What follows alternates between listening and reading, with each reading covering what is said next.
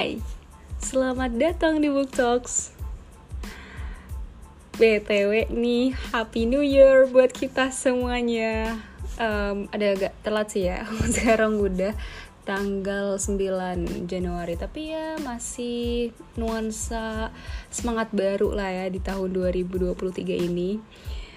Dan semoga di tahun ini menjadi tahun yang menyenangkan bagi kita semua Semoga apa yang kita harapkan, apa yang kita citakan itu dapat tercapai. Amin.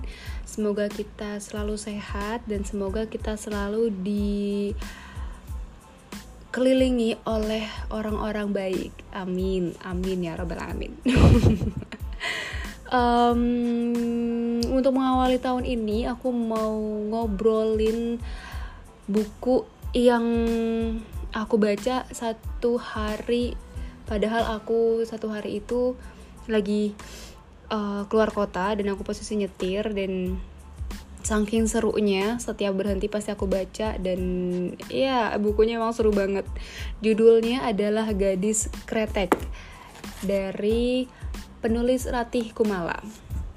Sesuai judulnya buku ini atau novel ini uh, berceritanya itu berpusat di rokok di tembakau jadi diawali oleh uh, kisah seorang pemilik salah satu rok, pabrik rokok terbesar, pabrik rokok terbesar di Indonesia yaitu Jagat Raya atau Jagat Raja. Um, itu lagi sekarat. Nah, pas lagi sekarat ini tiba-tiba dia memanggil satu nama perempuan yang bukan nama istrinya dan nama itu adalah Jengyah.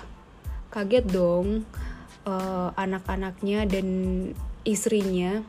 Bahkan istrinya tuh sangat murka gitu. Nah, anak-anaknya itu bingung gitu. Uh, siapa Jengyah dan kenapa di akhir hayatnya hanya nama itu yang terus diucapkan gitu. Nah, berpacu dengan malaikat maut akhirnya Tegar anak pertama, Karim anak kedua, dan Lebas anak terakhir memutuskan untuk mencari Jengyah sebelum ajal menjemput sang ayah. Nah, perjalanan itu bagai napak tilas bisnis dan membongkar rahasia keluarga. Lebas, Karim, dan Tegar pergi ke kota M kota di mana semuanya itu bermula dan di situ dia mereka akhirnya mengetahui siapa Jengyah dan rahasia besar di balik pabrik rokok Jagat Raya. itu adalah premis dari ceritanya. Nah, um, ternyata Jengyah ini adalah anak dari seorang pemilik pabrik rokok yang sudah berdiri sejak zaman penjajahan Belanda. Sejak eh, sorry sorry sejak zaman penjajahan Jepang uh, dari tahun 1942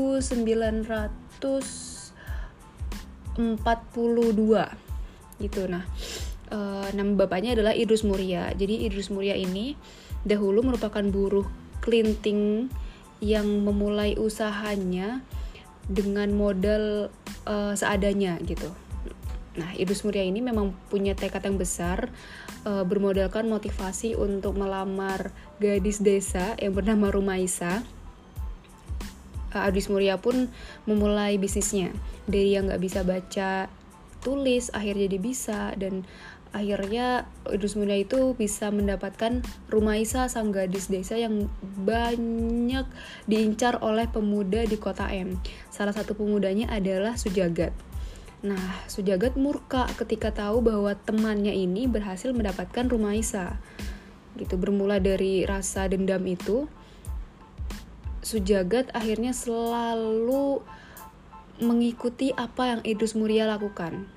Idrus Muria membuat pabrik rokok, dia mengikuti. Idrus Muria mengeluarkan rokok A, dia mengikuti. Pokoknya semua gerakan Idrus Muria akan diikuti oleh Sujagat. Gitu. Dia jadi pesaing bisnisnya lah. Bisa dibilang pada waktu itu Idrus Muria nomor satu dan Sujagat itu jadi nomor dua. Gitu. Sampai suatu saat Idrus Muria sudah punya anak anak ini dikasih nama Dasia nah Dasia ini punya keunikan nih teman-teman karena dia bisa membuat rokok yang rasanya itu manis banget dan gak ada di, di pasaran. Setiap orang yang mencoba rokok itu pasti akan ketagihan dan minta lagi. Ya dong, ketagihan pasti minta lagi. Uh, tapi kekurangannya adalah Dasia ini pasti nggak bisa bikin banyak karena itu made dari tangannya dia sendiri dari sisa-sisa tembakau yang ada di kukunya yang dikletekin dan dikelinting dengan tembakau lain. Jadi jumlah produksinya tuh terbatas gitu. Satu hari paling mentok bisa 20 uh, eh, apa tuh batang aja. Nah seperti yang tadi udah aku ceritain kan Sujagat ini selalu mengikuti gerakan dari Idrus Muria. Idrus Muria akhirnya memutuskan untuk bereksperimen mencari apa resep atau apa formula yang nggak akan bisa diikuti oleh sejagat itu berpuluh-puluh resep dia coba sampai Dasia yang memang di usia 17 tahun itu sudah memegang manajemen rokok Idus Muria itu marah. Dan uh, menyetop ayahnya untuk melakukan eksperimen lagi karena sudah over budget gitu dari budget yang dianggarkan oleh uh, Dasia. Uh, nah akhirnya si Idus Muria kan udah mentok. Biasanya kan kalau udah mentok tuh muncul ide ya. Jadi uh, Idus Muria akhirnya minta untuk uh, berkolaborasi dengan Dasia untuk menciptakan rokok yang rasanya semirip mungkin dengan rokok buatan Dacia gitu. Nah, setelah mereka berkolaborasi, uh, terciptalah satu rokok yang memang rasanya nggak sama tapi mendekati dari rokok yang dipunya oleh Dacia. Oh ya aku lupa cerita. Jadi uniknya dari rokok Dacia ini juga uh, karena Dacia itu menggunakan ludahnya dia untuk perekat. Itulah yang orang-orang bilang tuh unik dan gak bisa ditiru orang lain gitu karena ludahnya Dacia ini well dari ceritanya itu manis gitu. Oke kembali lagi tadi uh, ketika mereka sudah menciptakan berhasil menciptakan formula rokok baru yang nggak bisa ditandingi oleh siapa pun uh, di situlah akhirnya si Idrus Muria berani untuk uh, mencari investor untuk mengekspansi pabrik rokoknya dia gitu. Nah ketemulah memang investornya yang sudah kenal dengan rokoknya Desia dan oh iya nih eh, nggak uh, mir nggak sama tapi mendekati gitu. Nah rokok ini dinamakan rokok gadis kretek yang mana yang mana kampanyenya adalah ketika kamu menghisap rokok gadis kretek kamu akan merasakan kesegaran di mana seperti kamu mengobrol dengan gadis impianmu gitu. Nah kan kalau misalnya kita uh, simbol gadis itu diibaratkan fresh gitu kan uh, cantik uh, muda energik gitu. Nah jadi kampanyenya memang ditujukan untuk waktu itu ya laki-laki uh, yang menginginkan sensasi baru gitu. Nah rokok gadis kreatif ini berhasil teman-teman di pasaran meledaklah pemasarannya dan penjualannya sampai ke kota-kota besar seperti Surabaya, Kudus, uh, Solo dan tempat lainnya gitu. Dan pasti si Sujagat ini nggak mau kalah dong, dia ngikutin. Nah Sujagat itu mengeluarkan rokok uh, duplikatnya gadis kretek itu yang judulnya Bojo Kulo. Kalau nggak salah ya nama itu Bojo Kulo. Oh Garwa Kulo, Garwa Kulo itu um, bisa diartikan juga bojo kulo atau istri saya. Nah kalau gadis kreatif kan uh, ikonnya itu gadis cewek muda yang lagi ngerokok kan. Nah kalau garwo kulo si punya si jagat ini um, ikonnya itu kayak mbok gitu mbok-mbok gitu kayak memang ibu-ibu yang udah tua gitu nah, otomatis kalah dong di pasaran kalau dibandingkan dengan gadis kretek Nah kan kalau garwa kulo ini ini ini sesuai cerita ya teman-teman. Jadi kalau garwa kulo atau istri saya tuh uh, yang ngerokok bukannya malah seneng tapi malah stres karena inget istrinya yang galak, inget istrinya yang suka marah-marah, inget istrinya yang uh, nyebelin gitu.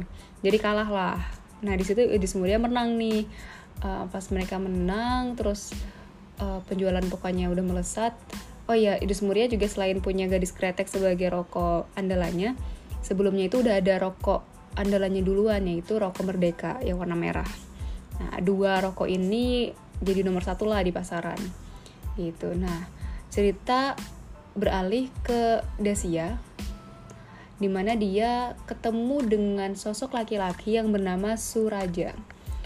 Dia ketemu di pasar malam, di mana waktu itu Suraja jadi tukang bantu-bantu lah di pasar itu. Mana di mana ada orang bantu pasti dia datang dan akan diupah. Itu karena setiap hari ketemu uh, timbullah percik-percik cinta dan akhirnya mereka saling suka Sampai ketika pasar malam itu sudah selesai, uh, Dasia itu sedih dan mengajak uh, Suraja untuk ikut ke pabriknya dia, ikut kerja aja di aku gitu kan. Oh ya, di sini juga ada cerita side story yang aku suka juga dan um, aku nggak tahu ini benar atau enggak. Jadi um, dulu itu yang jaga stand pameran rokok pasti cowok. Tapi karena Dasia ini menjajakan gadis kretek yang mana Dasia punya ide kenapa yang jaga itu nggak gadis-gadis aja gitu nah dia itu meminta teman-teman adiknya untuk ikut menjaga stand di pasar malam dari situlah mulai kompetitor pabrik rokok yang lain mengikuti apa yang Dasia lakukan. Jadi uh, mungkin itu adalah cik awal mula kenapa yang menjajakan rokok itu adalah perempuan. Padahal yang uh, suka rokok kan laki-laki ya kebanyakan ya gitu. Karena memang uh, ternyata laki-laki pasti akan lebih tertarik ketika yang menjual perempuan apalagi muda gitu. Mungkin itu ya awal mulanya. Aku nggak tahu itu benar atau enggak oke balik lagi tadi uh, Suraja akhirnya memutuskan untuk ikut uh, Dasia pulang ke pabrik rokoknya dia pabrik rokoknya Idus Muria. Dan di situ awal ditentang sama bapaknya sama si Idris Muria karena um, kenapa ngapain? gitu. Kamu tuh perempuan kamu gadis nggak patut untuk membawa laki-laki gitu. Akhirnya setelah nego-nego-nego uh, Dasia bapaknya pun akhirnya memperbolehkan Idrus uh, siapa namanya Suraja untuk tinggal di pabrik itu tapi nggak satu kawasan tempat tinggal gitu. Jadi dia kerja tapi tidurnya itu di masjid terdekat itu pokoknya uh, waktu berganti hari hari berganti minggu uh, seiring berjalannya waktu Idus Muria pun mulai percaya ke Suraja karena ternyata Suraja ini anaknya tekun, ulet, pinter, mau belajar gitu kan. Nah, udah tahu dong pasti bapaknya kalau mereka berdua itu sama-sama saling suka. Sampai suatu hari dipanggil lah mereka berdua. Kalian pacaran ya? Ini pakai bahasa bahasa sekarang ya. Terus e, enggak pak. Kata ada si kata Desi ya tapi e, karena di pojok-pojokan terus akhirnya si Suraja itu bilang iya pak saya menyukai anak bapak gitu kan. Nah udahlah uh, dari waktu itu bapaknya akhirnya mengizinkan. Itu pokoknya singkat cerita pabrik uh, rokok itu kan dindingnya berbicara ya. Jadi si Suraja ini lama kelamaan kok ngerasa risih karena buruh yang lain tuh ngelihat uh, Suraja itu sebelah sebelah mata gitu kayak anak cuman dapat keberuntungan doang nggak punya apa-apa tapi bisa sama Dasia gitu kan. Nah di situ gengsinya dia sebagai laki-laki itu uh, terluka gitu. Apalagi ditambah Dasyah itu pernah dilamar sama anak TNI yang mana bapaknya juga uh, bukan anak yang jadi TNI yang mana bapaknya juga punya pabrik rokok tapi ditolak sama Dasyah karena Dasyah udah suka sama Suraja. Makin-makin lah bukannya makin um, pede gitu tapi dia malah makin insecure nih si Suraja dia makin ngerasa nggak ada apa-apanya gitu Sampai suatu hari dia bilang ke Dasia pengen punya pabrik rokok sendiri. Nah, Dasia pasti nentang dong kayak kenapa pengen punya pabrik rokok sendiri padahal di sini udah ada gitu, nggak perlu mulai dari nol. kan mereka berantem mulu lah terkait itu nah karena ngomong sama Dasia nggak nyambung jadi uh, si Suraja ini ngomong langsung sama Pak Idrus. Nah Pak Idrus pun uh, seperti melihat dirinya ketika dulu mau melamar Rumaisa gitu. Satu rasa lah dia paham apa yang dirasakan Suraja ketika dia ingin membuktikan dirinya sendiri itu mampu dan mandiri gitu kan. Uh, kemudian akhirnya diperbolehkan oleh Idrus dan Dasya pun mengiyakan. Ketika Dasya uh, ingin memberikan modal Suraja pun nggak mau nolak gitu. Pokoknya pengen bener-bener dari usahanya dia sendiri deh gitu.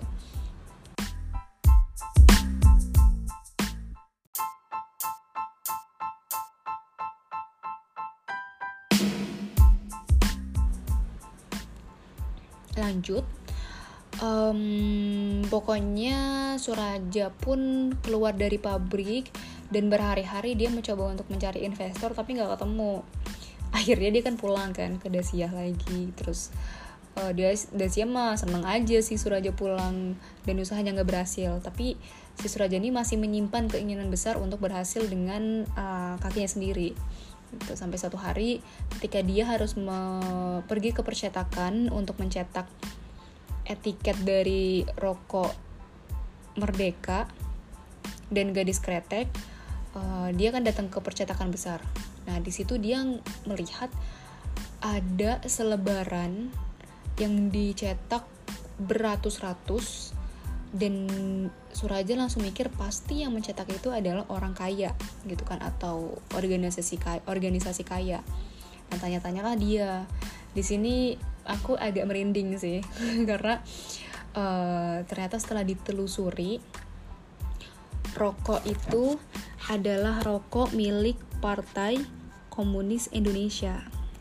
Gitu teman-teman.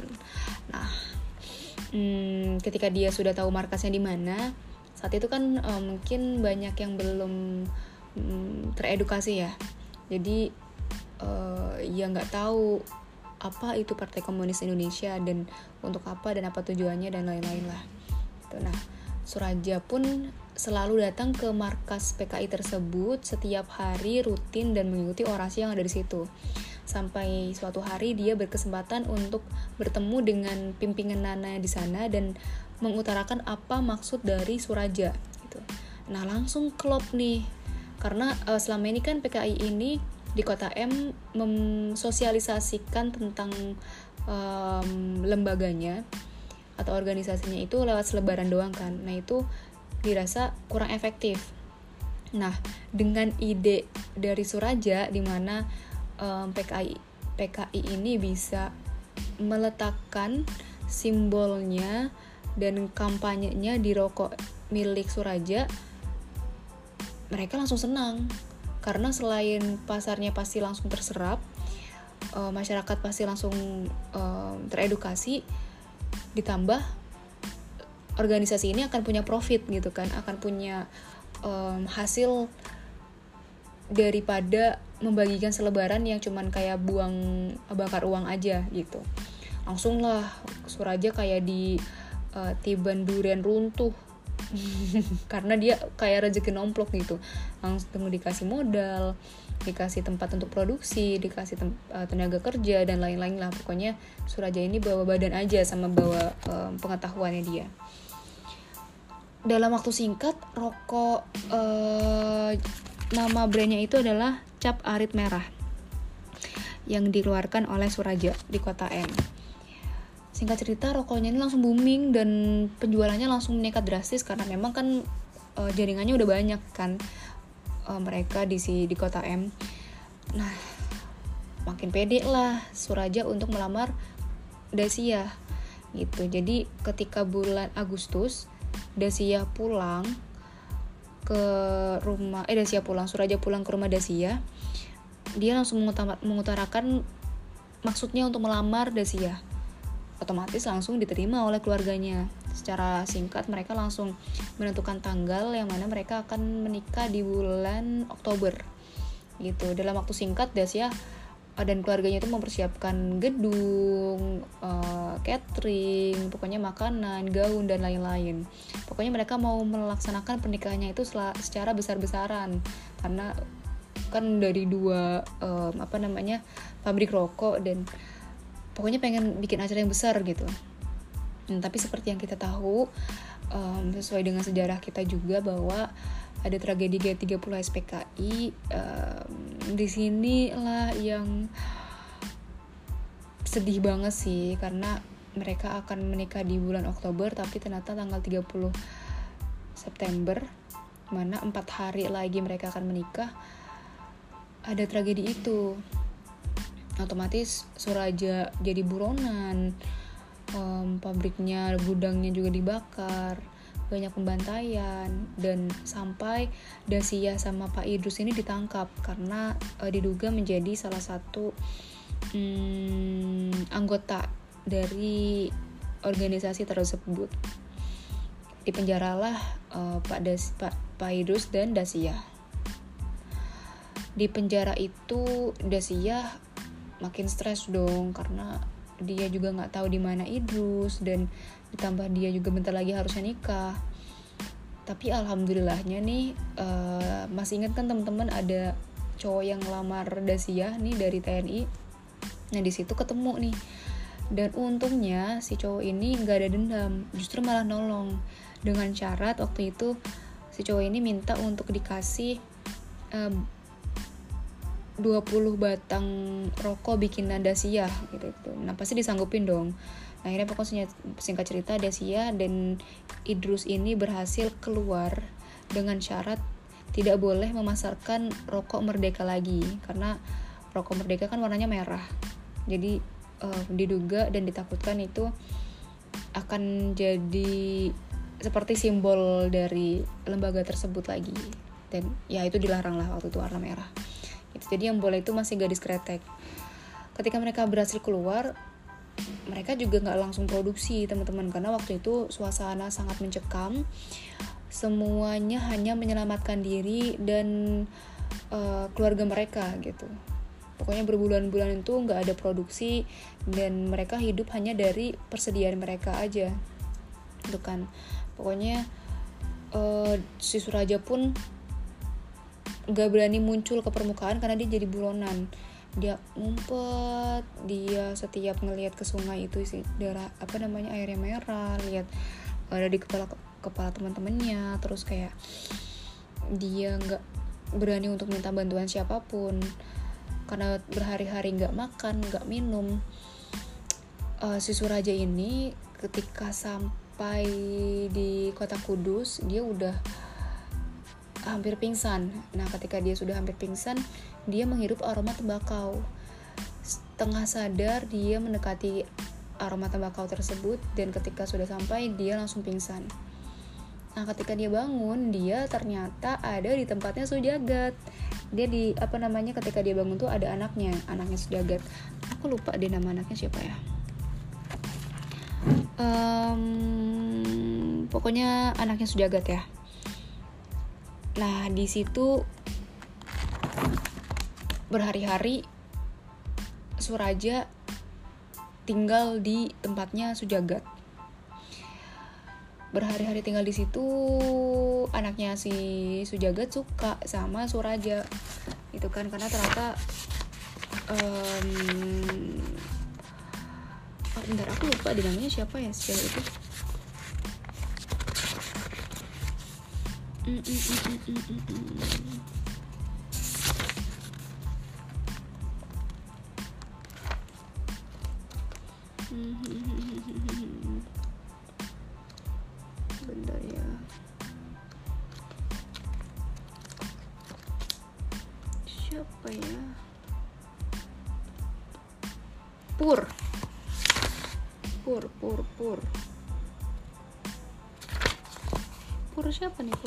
Gadis itu yang bukan masih gadis kreatif yang menjadi ada ketakutan. Pur siapa? Tiba-tiba suara-suara suara berat itu. Pur Pur. Pur doang sih? Pur nama? Pur Pur. Purwanti. Nah hmm. nama anaknya Sujagat ini adalah Purwanti. Gitu kan. Nah Purwanti ini hmm, bisa dibilang tiga tahun lebih muda dari Jengyah atau Dasia. Ya aku udah bilang belum ya kalau Dasia itu Jengyah pokoknya setelah gadis kretek itu terkenal waktu itu Jeng, uh, Dasia mendapat julukan Jengyah gitu. Kembali lagi ke Purwanti. Jadi selama nggak ada Jengya atau selama nggak ada Dasia uh, Suraja ini diurus oleh Purwanti anaknya Sujagat lama kelamaan Purwanti suka sama Sujagat eh sama Suraja hmm, sampai suatu ketika Sujagat ini menawarkan tawaran yang sangat menarik buat Suraja karena Suraja masih ingin punya pabrik sendiri. Dia menawarkan untuk kolaborasi dengan tawaran namanya Suraja nanti akan ada di pabriknya mereka. Itu. Nah, diiakan oleh Suraja. Dan lagi akhirnya Suraja ini memutuskan untuk mengirimi surat ke Dasia jadi selama dia udah sadar dia juga kirim-kirimin surat. Tapi suatu ketika dia kirim surat bahwa aku lebih memilih Purwanti gitu. Karena selama ini ternyata uh, Purwanti ya singkat cerita pokoknya Purwanti itu bisa menjadi obat buat dia lah dan bla bla bla bla bla. Gitu kan? Terus um, mereka akhirnya menikah dan itu pasti sakit hati banget dong buat ada Sia ya. Pokoknya ini udah mau akhir nih. Makanya um, di novel waktu itu langsung kembali ke masa kini di mana Tegar Karim dan Lebas tuh kaget oh jadi ini alasan waktu bapaknya nikah ada luka uh, di kepalanya itu karena waktu itu dipentung betul dipukul sama Dasia gitu kan. Karena uh, cemburu dugaannya mereka. Pokoknya hmm, mereka akhirnya tahulah kisah di balik bapaknya tapi ternyata di balik kisah itu ada lagi. Oh ini nggak diceritakan langsung oleh apa namanya hmm, adiknya. Jadi cerita yang tadi aku ceritain itu ternyata diceritakan oleh adiknya Dasia. Karena ketiga anaknya ini sudah sampai di um, apa namanya pabriknya Dasia itu.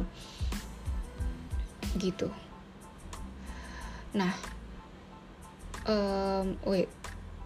Oke, okay, jadi pas um, mereka udah tahu, terus di perjalanan pulang dari kota M ke Jakarta, si Lebas itu penasaran mau ngerokok rokok gadis kretek. Kan pas dia datang ke sana dia nyari-nyari rokok itu kan karena rokok itu ternyata uh, udah susah dicari dan ada cuman di toko-toko yang udah tua banget gitu.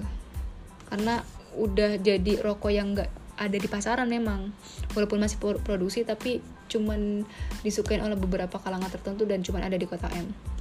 Nah pas lagi perjalanan di Jakarta si lebas ini mau ngerokok rokok gadis kretek terus pas coba ngerasain rokoknya dia kaget banget. Karena ternyata rasa rokok gadis kretek ini sama persis dengan rokok yang mereka punya sekarang yaitu rokok di pabrik Jagat Raja. Dan ternyata si Lebas akhirnya tahu semuanya, semuanya jadi lebih jelas karena selama ini ternyata dia masih ngejanggal, nge, ngejanggal, ngeganjel dan ternyata bukan karena cemburu. Bukan karena cemburu Jengya itu mukul kepala bapaknya, tapi karena Jengya um, apa namanya pas ngerasain rokok buatannya si Jagat Raja yang waktu itu dia coba tuh coba coba coba um, uh, apa namanya di hari pernikahannya jagat si Suraja kan dia akhirnya coba mau rokok mana? Rokoknya jagat raja gitu kan keluarannya Jagat Raja. Eh pas dirasain waktu itu Jengya langsung tahu kalau rokok Jagat Raja itu sama persis sama gadis kretek. Nah murka lah dia waktu itu. Akhirnya dia langsung memutuskan buat ke Kudus nggak peduli sama orang-orang. Dan di hari pernikahannya si Suraja pula waktu itu sama persis. Dia langsung mukul kepalanya si Suraja dan itu tuh bukan karena cemburu. Ya walaupun event itu ada tapi yang bikin dia semarah itu karena Suraja ini sudah mencuri resep dari Dasia dan bapaknya untuk membuat pabrik Jagat Raja. Gitu teman-teman jadi ceritanya.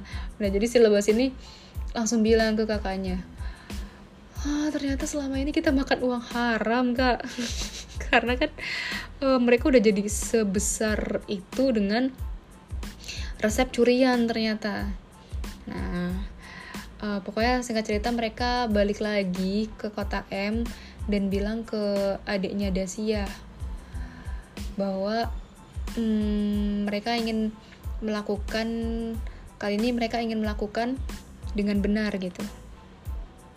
BTW kalau teman-teman uh, dari tadi ngeh aku nggak menceritakan Jengiyah di masa sekarang karena Jengiyahnya udah meninggal gitu. Tapi Jengiyah udah punya anak. Jengiyah punya anak yang namanya Aroma Cengkeh gitu. Nah pas uh, lebas balik lagi dia uh, ingin um, apa tuh meminta maaf at, untuk bapaknya untuk kakaknya untuk seluruh um, hal yang mereka lakukan. Kemudian mereka menawarkan untuk membeli paten resep yang ada dari gadis kretek gitu kan. Sejumlah 2M hmm, aku agak sebel sih sebenarnya itu kayak ya lu jadi segede sekarang kan nggak uh, kayaknya bisa lebih dari itulah gitu kan. Nah tapi uh, di akhir cerita pokoknya endingnya adanya ini manggil anaknya Dasia gitu. Terus anaknya Dasia si aroma cengkeh itu bilang udah nggak apa-apa bule kan uh, kita juga udah nggak bisa ngurus pabrik gitu kan. Jadi pabrik gadis kretek ini masih ada tapi udah kayak kembang kempis gitu udah kayak mau bangkrut emang. Terus akhirnya mereka setuju deh buat menjual resepnya ke pabrik Jakarta Raja. Terus udah tamat. Dan di situ aku sebel banget sih sebenarnya sama tempat ini karena aku nggak terima gitu. Jeng ya um, endingnya udah kayak gitu. Dan si sejagat yang selama ini cuma niru niru doang akhirnya bisa sukses, sukses sampai sekarang. Terus kayak Idrus Muria uh, kisahnya tuh kan nggak diceritain gimana dia uh, meninggalnya atau segala macam nggak diceritain perjuangannya juga. Tapi ya udah memang ceritanya selesai sampai di situ.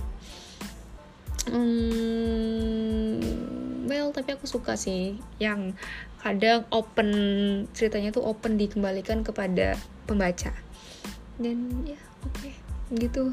Teman-teman semoga suka. Um, aku rekomendasiin. Ini aku ceritanya nggak detail masih ada banyak detail lain yang seru banget kalau teman-teman mau baca. Dan sampai jumpa di episode selanjutnya